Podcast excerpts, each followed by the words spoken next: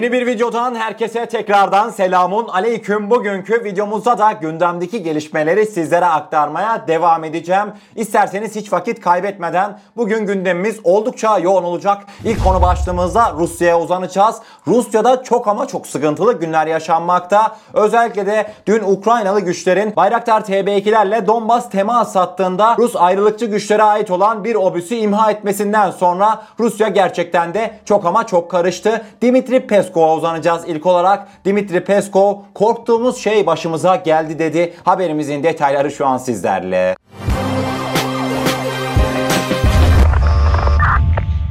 Kremlin sözcüsü Dimitri Peskov, Türkiye'nin Ukrayna'ya tedarik ettiği SİHA'ların Donbas'taki temas hattında istikrarsızlığa yol açabileceğini belirtti. Açıklamalarının devamında Peskov, Türkiye ile gerçekten özel ve iyi ilişkilerimiz var. Ancak bu durumda ne yazık ki bu tür silahların Ukrayna ordusuna tedarik edilmesinin temas hattındaki durumun istikrarsızlaşmasına yol açabileceğine dair korkularımız gerçekleşti. Bayraktar TB2 SİHA gibi silahların Ukrayna'nın Donbas'ta kullanabileceğini ve bunun sadece bölgede istikrarsızlığa yol açacağını vurguladı. Son olarak da Peskov bu gelişmeler Ukrayna'nın sorununun çözümüne katkıda bulunmaz diyerek açıklamalarını sonlandırdı. Ukrayna gerçekten de çok ilginç ve beklenmedik bir anda Türk Bayraktar siyahlarıyla Rusya önemli bir operasyon icra etti. Hemen devamında da ikinci konu başlığımızda Andrei Medvedev. Rusya'da bir milletvekili gerçekten de dün çok ilginç açıklamalarda bulundu. Medvedev ülkesindeki yöneticilere seslenerekten bizleri kandırdılar. Türklerin siyahlarının AliExpress'ten alınan ucuz malzemelerle yapıldığına inandırdılar.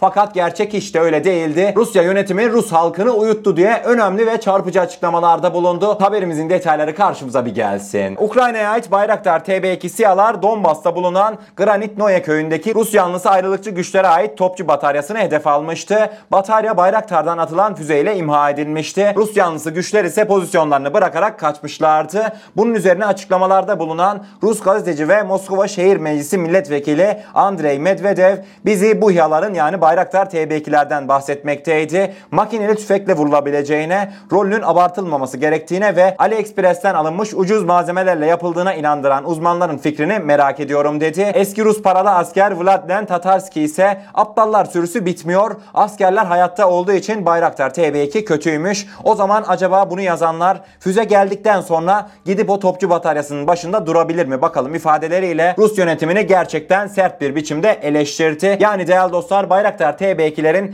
Donbas hattında ilk defa aktif olarak kullanılması Rusya'yı birbirine kattı. Rusya'da çok karışık bir dönem yaşanmakta. Herkes yönetime kızmakta. Gerçekten de ilginç gelişmeler yaşanıyor. Sizler için takipte olacağım değerli dostlar. Ruslar niye bu olay sonrasında bu kadar birbirine girdi? Rusya neden bu kadar karıştı diye ben size şunu diyeyim. Yılanın ucu Rusya'ya dokandı ya. Kendi sınırında sözde kendi sınırlarında bir olaya karıştı ya Bayraktar TB2'ler. Rusların korkusu işte tam da bu sebepten. Suriye'de Libya'da hava hoştu. Rusya'nın kendi toprakları değildi oralar. Fakat Bayraktar TB2'ler Rusya'nın hemen dibinde, burnunun dibinde operasyon yapınca Ruslar tutuştu. Bu olayın açıklaması sadece budur. Bunlar daha başlangıçtır. Biz Ukrayna'ya vermişiz siyaları. Ne yaparlarsa yaparlar. Biz Türkiye olarak hiçbir şekilde karışmayız diyorum ve isterseniz bir sonraki konu başlığımıza geçelim. Üçüncü konu başlığımıza geldiğimizde videomuzdaki başlığımızdan da göreceğiniz üzere gerçekten de Adalar Denizi'ndeki hareketlilik gün be gün artıyor. Bu sefer seferde dün öğle saatlerinde Türk Deniz Kuvvetleri'ne ait bir istihbarat uçağı çok önemli bir rota çizdi ve Yunan medyasının bu yaşanılan gelişmeler ayağa kaldırdı. Malta civarından Doğu Akdeniz'e böyle bir kolaçan eden istihbarat uçağımız gündeme bomba gibi düştü. İsterseniz detaylar bir karşımıza gelsin.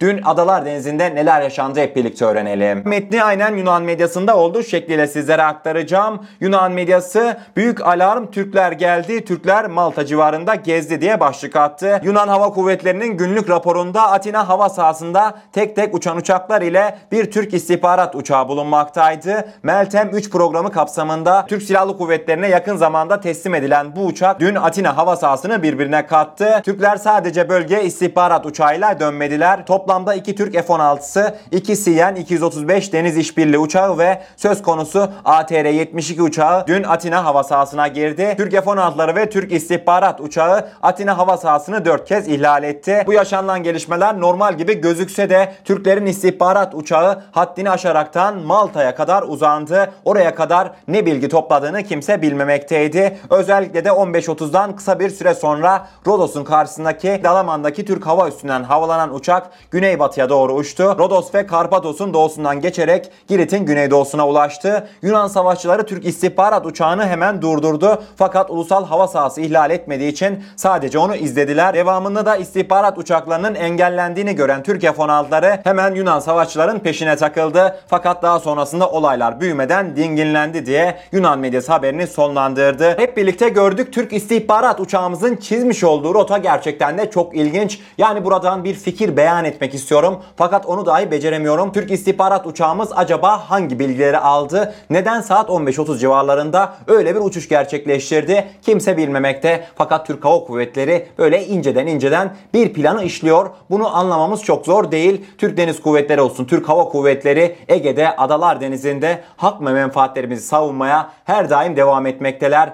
Gerçekten de gurur verici gelişmelerdi. İsterseniz bir sonraki konu başlığımıza geçelim. Dünyadaki gelişmeleri hızlı bir şekilde sizlere aktarmaya devam ederken dördüncü konu başlığımıza geçmeden sizlere bir kelime söyleyeceğim. Kelimemiz ikiyüzlü. Evet aslında hepimizin hayatında ikiyüz olarak tanıdığı bazı insanlar vardır. Fakat konumuz gereği özellikle de dış politika olunca ikiyüzlü denilince akla gelen ilk ülke Evet tahminleriniz doğru. Amerika Birleşik Devletleri. Amerika Birleşik Devletleri'nin o bitmek tükenmek bilmeyen iki yüzlüğüne dördüncü konu başlığımızda hep birlikte uzanacağız. Hindistan S-400 almıştı biliyorsunuz. Türkiye ile birlikte almıştı hatta. İşte ABD'den bazı demokrat sözde milletvekilleri Biden'a bir mektup yazdı. Hindistan'ın S-400 yaptırımlarından, katsa yaptırımlarından muaf tutulması gerektiğini söylediler. Böyle bir ikiyüzlülük gerçekten görülmedi. İsterseniz haberimizin detayları karşımıza bir gelsin gelsin. ABD'li Demokrat Virginia Senatörü Mark Warner ve Cumhuriyetçi Texas Senatörü Johnny Cornyn Başkan Joe Biden'a S-400 hava savunma sistemi alımlarıyla ilgili Hindistan'a yaptırım uygulanmaması yönünde çağrı yaptı. Senatörler Biden'a yazdıkları mektupta bu sistemlerin yaklaşan teslimatlarının ABD'nin düşmanlarına yaptırımlarla karşı mücadele yasası katsa kapsamında yaptırımları tetikleyeceğinden endişe duyuyoruz ifadelerine yer verildi. Senatörler Hindistan'a katsa kapsamında yaptırım uygulanmasının iki ülke arasındaki stratejik ortaklık üzerinde zararlı bir etkisi olabileceği konusunda uyarıda bulundu. Mektupta bu nedenle S-400 karadan havaya füze sistemini satın almayı planlayan Hindistan'ı katsa yaptırımlarından muaf tutmanızı şiddetle tavsiye ediyoruz denildi. Mektupta son olarak da Hindistan'ın yaptırımlardan muaf tutulmasının birkaç nedenden ötürü uygun olduğu, Hindistan'ın son yıllarda Rusya'dan silah ithalatına olan bağımlılığını azaltmak için önemli adımlar atarak ABD'den eskisinden daha fazla silah satın aldığına dikkat çekildi. Neymiş değerli dostlar? Stratejik ortaklık üzerinde ciddi bir zararlı etkisi olabilirmiş eğer ABD Hindistan'a katsa yaptırımlarını uygularsa. Oldu gerçekten de biz bunu kabul edelim. Sizin ABD olarak Hindistan'la ilişkilerinize zarar gelebiliyor fakat Türkiye'ye yaptırım uygulayınca Türkiye ile stratejik ilişkilerinizde hiçbir değişim olmayacağını mı sanıyorsunuz?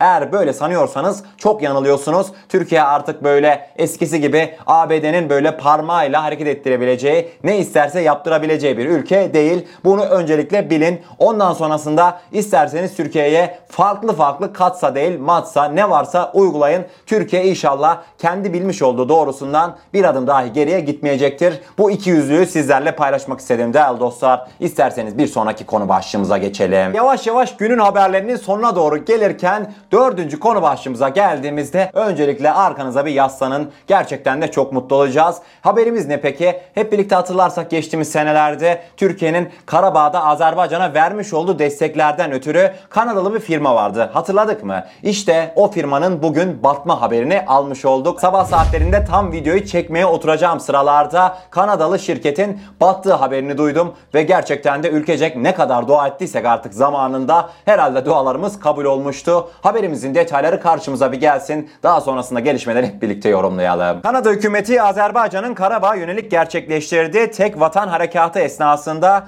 Türk siyalarının oynadığı rol sebebiyle Türkiye'ye ambargo kararı aldı almıştı. Bu doğrultuda Türk SİHA'ları için ürün tedariğinde bulunan L3 Westcam ve Telemus Sistem gibi bir dizi Kanadalı şirketin Türkiye'ye savunma ürünleri ihraç etmesi engellenmişti. Kanada'nın Türkiye'ye yönelik ambargo kararı Kanadalı şirketlerin milyonlarca dolar zarar etmesine sebebiyet verdi. Ürünlerinin tek kullanıcısı TUSAŞ olan Telemus Sistem şirketi ise 2021 yılının ilk 7 ay içerisinde hiç gelir sağlayamayarak battı. Şirket TUSAŞ'ın Anka Mail İHA platformu için istihbarat sistemleri tedarik etmekteydi. Şirket TUSAŞ'la olan sözleşmesinin tehlikeye girmesinin ardından Kanada Dışişleri Bakanlığı ile sorunun çözümü için defalarca bir araya gelmişti. Telemus Sistem bu görüşmelerde Türkiye'ye yönelik ihraç lisanslarının askıya alınmasının şirketin mali durumunu son derece olumsuz etkilediğini Kanadalı yetkililere iletmişti. Fakat görünen o ki Kanadalı yetkililer şirketin çağrılarına kulak asmayaraktan şirketin batmasına vesile oldular. Tabii ki de değerli dostlar bu yaşanılan gelişme sonrasında bazı takipçilerimiz sanmıyorum da neden bir şirketin batmasına bu kadar seviniyorsun diyebilirler. Değerli dostlar ben size şunu diyeyim. Bundan yaklaşık bir sene kadar önceydi. Tek vatan harekatını sizlere an be an aktarmaya çalışıyordum. Yeri geliyordu duygusallaşıyorduk. Yeri geliyordu heyecanlanıyorduk. İşte böyle bir dönemdeyken Kanada'dan gelen ambargo haberi gerçekten de beni üzmüştü. Yani şöyle de düşünebiliriz. Düşünsenize Kanada'dan çok önemli bir parçayı almış olsaydık Kanada o parçayı böyle ne bileyim internet üzerinden ya da uzaktan erişim yoluyla iptal etme imkanı olsaydı eminim ki bunu bir dakika düşünmezlerdi.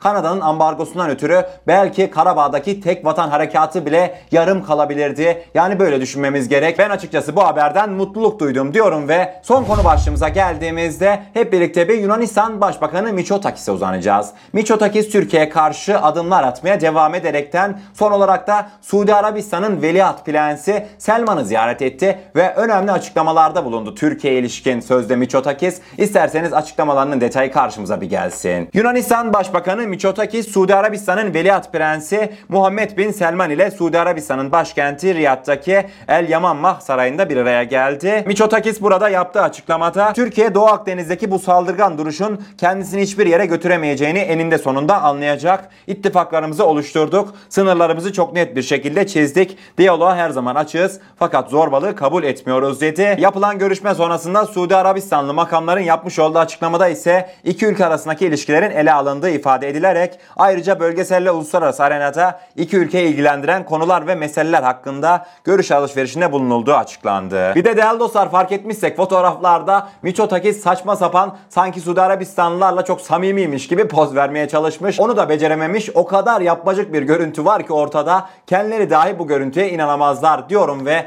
değerli dostlar bugün gelişmeleri sizlere aktarmış oluyorum. Umarım haberlerimizi doğru ve net bir biçimde anlatabilmişimdir. Eğer kanalımıza ilk defa gelmekteyseniz kanalımıza abone olarak bizlere destek olabilirsiniz. Videomuzu da gerçekten beğenmişseniz beğenirseniz çok mutlu oluruz diyorum ve kendinize çok iyi bakın. Allah'a emanet olun. Her şey istediğiniz gibi olsun. Sağlıcakla.